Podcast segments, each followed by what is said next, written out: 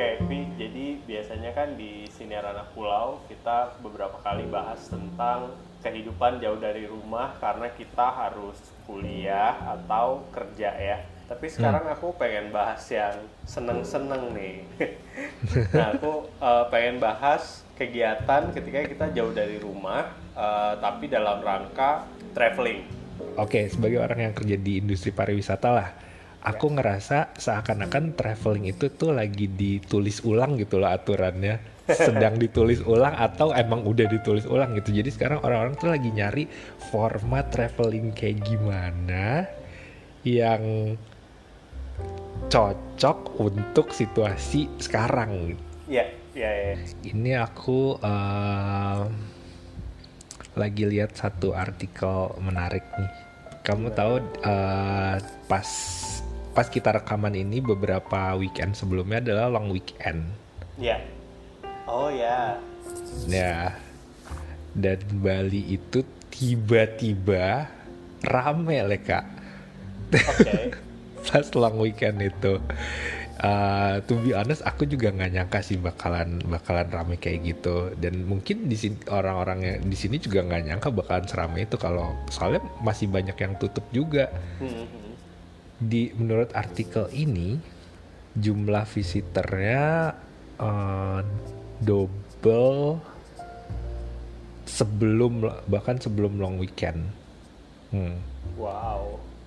Ya, jadi ada 4.900 passenger yang uh, tiba di uh, Bandara Igusti Ngurah Rai dan besokannya naik jadi 5.000 habis itu naik lagi jadi 6.000. Jadi as you can as you can see di sini ya emang emang nggak bisa ditahan gitu. Iya iya. Aku juga ngelihat sih dari sosial media ya. Uh, hmm, hmm. Ketika aku lihat story teman-temanku tuh lagi pada di sana hmm. gitu. Oke, okay, but anyway, yeah. uh, pandemic aside, kita nggak kita nggak ngomongin pandemi sekarang. Cuma aku uh, lebih penasaran sama gimana uh, adakah perbedaan gaya traveling orang-orang sekarang setelah uh, adanya prosedur-prosedur ke protokol kesehatan baru sama uh, sebelumnya karena jujur aja waktu aku terbang ke sini untuk pindahan hmm. aku nggak ngerasa terlalu banyak perbedaan sih selain airportnya lebih sepi ya yeah. selain airportnya lebih sepi dan ada satu protokol kesehatan baru yang yang adalah satu step tambahan di dalam proses check in gitu yeah.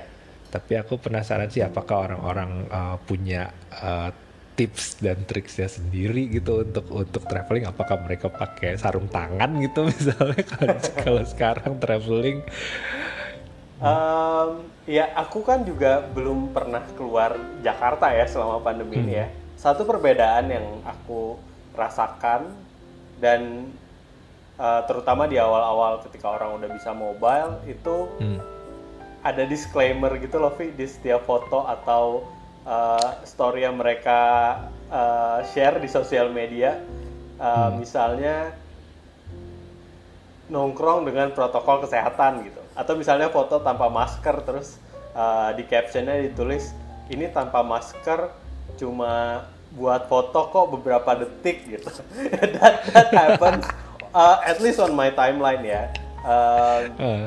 Ya, yeah, I think itu cara orang-orang ini untuk untuk apa ya untuk menunjukkan bahwa mereka traveling responsibly gitu uh, di dengan cara mereka sendiri gitu dan kayaknya orang-orang lebih hesitate buat foto di tempat yang rame banget gitu masih ada perasaan kayak gitu ya untuk masih ada perasaan uh, gitu. ngumpul di tempat yang penuh banget. Sekarang kita jadi ngerasa kurang nyaman gitu kayak kok rame banget rasanya gitu.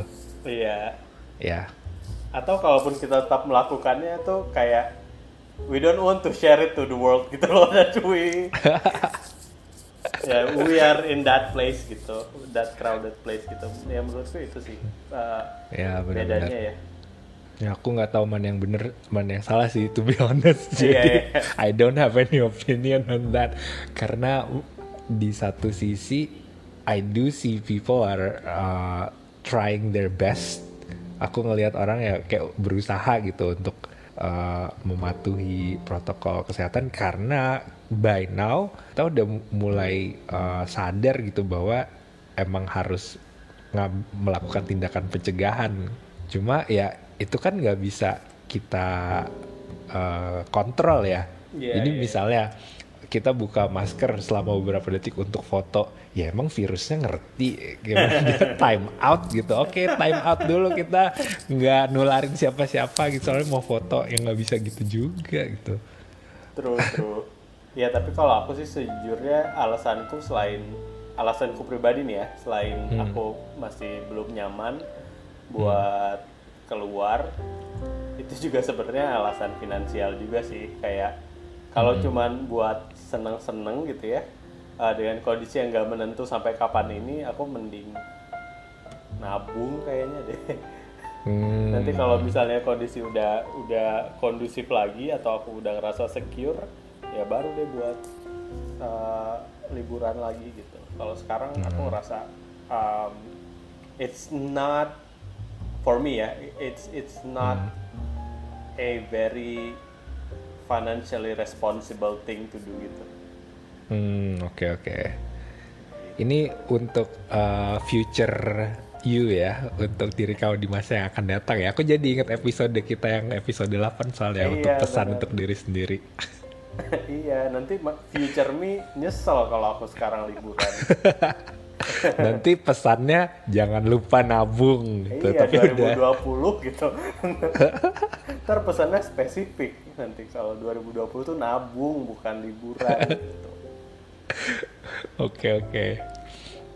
So far kita bisa agree mungkin ya kalau uh, gaya traveling orang mungkin sudah sedikit berubah ya di masa pandemi ini. Iya.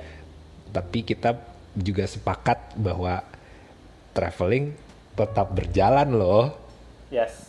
Biarpun uh, uh, ada ancaman kesehatan dan yeah. mungkin ancaman nyawa juga ya jadi sekarang. Ya. Yeah.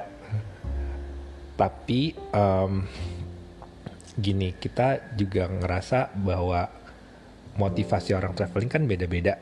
Hmm. Seperti yang aku bilang tadi, mungkin sekarang orang traveling uh, alasannya adalah supaya untuk tetap waras aja gitu. Nggak ada nggak ada nggak ada ke, kebutuhan validasi untuk dapat validasi dari validasi sosial. Nggak yeah. kayak dulu. Yeah. oke okay, karena keterbatasan traveling yang kita alamin saat pandemi ini kan juga ngaruh ya sama hubungan kita sama keluarga gitu sama orang-orang di rumah. Sesuatu yang sering kita bahas nih di uh, sinir anak pulau gitu. Kalau ceritaku pribadi hmm. aku itu udah setahun lebih sebenarnya nggak ketemu sama uh, keluargaku udah nggak ketemu sama mamaku udah nggak ketemu sama hmm. kakakku tuh udah setahun lebih dan mereka masih dalam kondisi parno gitu uh, hmm. kalau takutnya aku uh, jadi karier virusnya hmm. gitu pulang gitu tapi kadang juga ada ada hari harinya yang mereka pengennya aku pulang tapi aku yang mengingatkan mereka aku bisa jadi aku yang jadi pembawa virusnya gitu. Jadi kita sama-sama kayak ragu kita sama-sama pengen ketemu tapi kita sama-sama ragu gitu. Iya itu sih yang kejadian sama aku gitu. Nah itu juga yang sebenarnya bikin aku hesitate buat uh, traveling ke Bali dan lain-lain ya. Kayak if I want to travel then I better visit my family gitu daripada liburan sendiri gitu. Aku mikirnya kayak gitu. Dan hmm. now that I cannot see my family, aku nggak bisa ketemu keluarga aku, ya jadi nanti-nanti dulu deh uh, liburan yang nggak terlalu pentingnya gitu. I can totally relate sama perasaan kamu ke, tentang orang rumah Leka, karena aku kan tinggal kemarin waktu di Jakarta, aku tinggal sekota loh. Iya. Yeah. Satu cuma jarak berapa puluh kilometer. Yeah uh, itu pun uh, kita hesitate gitu. Kita menahan diri untuk untuk ketemu. Yeah. jadi biarpun kita deket dan bisa kapan aja ketemu sebetulnya um, kebanyakan aku nelpon. Jadi nelpon video call uh, dan bener ada perasaan was-was juga. Nggak cuma dari aku tapi dari orang tuaku juga. Karena ketika kita ketemu pun kita jaga jarak gitu. Beda banget lah rasanya sekarang ketemu yeah. orang tua gitu. Nggak kayak dulu. Padahal waktu itu aku inget uh, situasinya adalah lebaran. Bayangin lebaran ah. tapi jaga jarak. Itu yeah, yeah, aneh yeah. banget. Dan dan aku di rumah di rumah gitu. Ada orang tuaku ada ya kakakku juga. Tapi kita semua jaga jarak. Jadi kayak gimana? Kayak bertamu jadi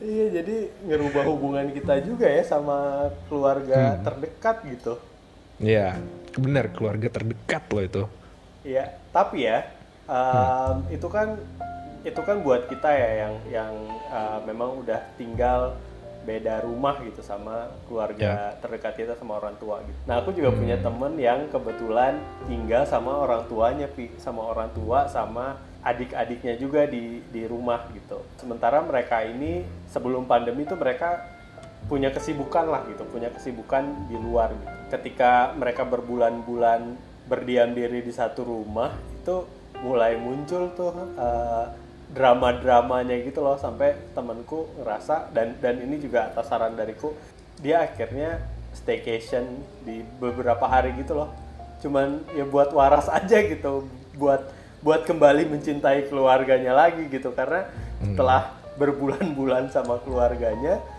ya dia merasa jadi apa ya jadi jadi mulai stres gitu. Dan aku juga bisa relate sih sama sama ini gitu. I don't think I can stay waras gitu ya. Kalau misalnya aku lebih dari sebulan aja sah uh, setiap hari berada di satu rumah sama keluargaku gitu. 24 jam gitu ya? 24 jam ya. Ngerti-ngerti. Aku uh, juga punya kayak temen yang di awal-awal pandemi itu um, menghabiskan 24 jam bersama tiga orang anaknya yang masih kecil-kecil. Yeah.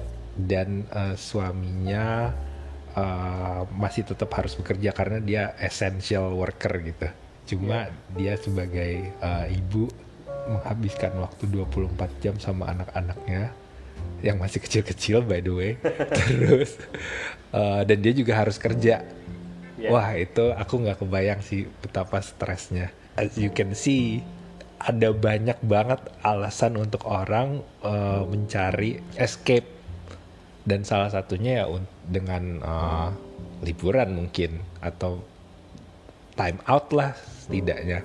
Jadi kalau aku lihat-lihat dari cerita kamu nih Leka, ada beberapa hal yang bisa aku tarik. Jadi liburan ini di masa pandemi sekarang yeah. itu bisa jadi alasan buat uh, time out dari keluarga. yeah. Tapi di uh, cerita kamu juga kamu bilang ini membuat kamu berpikir tentang apa yang lebih berarti karena tadi kamu bilang uh, mungkin liburan itu jadi kurang esensial karena sebaiknya mungkin aku menghabiskan waktu sama keluarga yang udah lama nggak pernah aku temuin. Iya iya iya.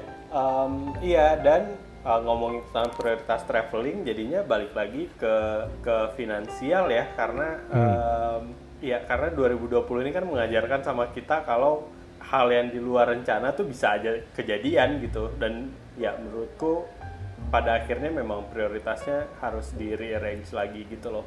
Do I really hmm. need this vacation gitu? Can I really hmm. afford this vacation? Itu jadinya hmm. pertanyaan-pertanyaan yang aku tanya akan berulang-ulang lagi gitu. Oke. Okay. Kalau gitu untuk menutup episode traveling kali ini, Leka, menurut kamu nih, ya. uh, apa liburan yang ideal sekarang? Liburan yang ideal sekarang adalah liburan yang nggak terlalu banyak menguras tabungan. Ya mungkin bisa deket-deket aja, mungkin bisa staycation aja gitu. Make hmm. sure dengan pergi liburan ini tuh nggak menguras persentase yang besar dari tabungan itu menurut buat idealnya sekarang ya. Hmm. Kalau buat kamu gimana? Oke, oke. Menurutku juga kurang lebih sama, tapi aku lebih mikir ke ya sendiri atau sesedikit mungkin orang. Um, ya mungkin liburan keluarga nggak bisa di kita lepaskan benar-benar ya. Mungkin kita pengen liburan sama keluarga juga gitu. Cuma ya kalau bisa ya udah itu aja gitu grupnya. Kita nggak perlu ke tempat-tempat yang uh, rame gitu. Cuma I don't know if that's always possible ya. Mungkin nggak selalu bisa kayak gitu. Kan kalau liburan sama keluarga pasti makan. Makan di restoran gede gitu kan. Yeah. apalagi tipe-tipe keluarga Indonesia yang makannya banyak gitu. Yeah. Nah, ya jadi buatku liburan yang ideal sih ya itu. Kayak yang deket-deket. Karena ternyata kalau mau di uh, lihat-lihat ternyata banyak juga tempat-tempat menarik di sekitar kita. Iya betul. Dan aku juga hmm. mau cobain katanya di Sukabumi ternyata uh, ada tempat trekking yang enak katanya. Hmm. Iya jadi ya yang sedekat yang dekat-dekat itu aja gitu yang yang nggak perlu uh, pesawat, yang nggak perlu kereta gitu. Ya, hmm. Hitung-hitung mengurangi carbon emission kan, emisi iya. karbon. Hmm.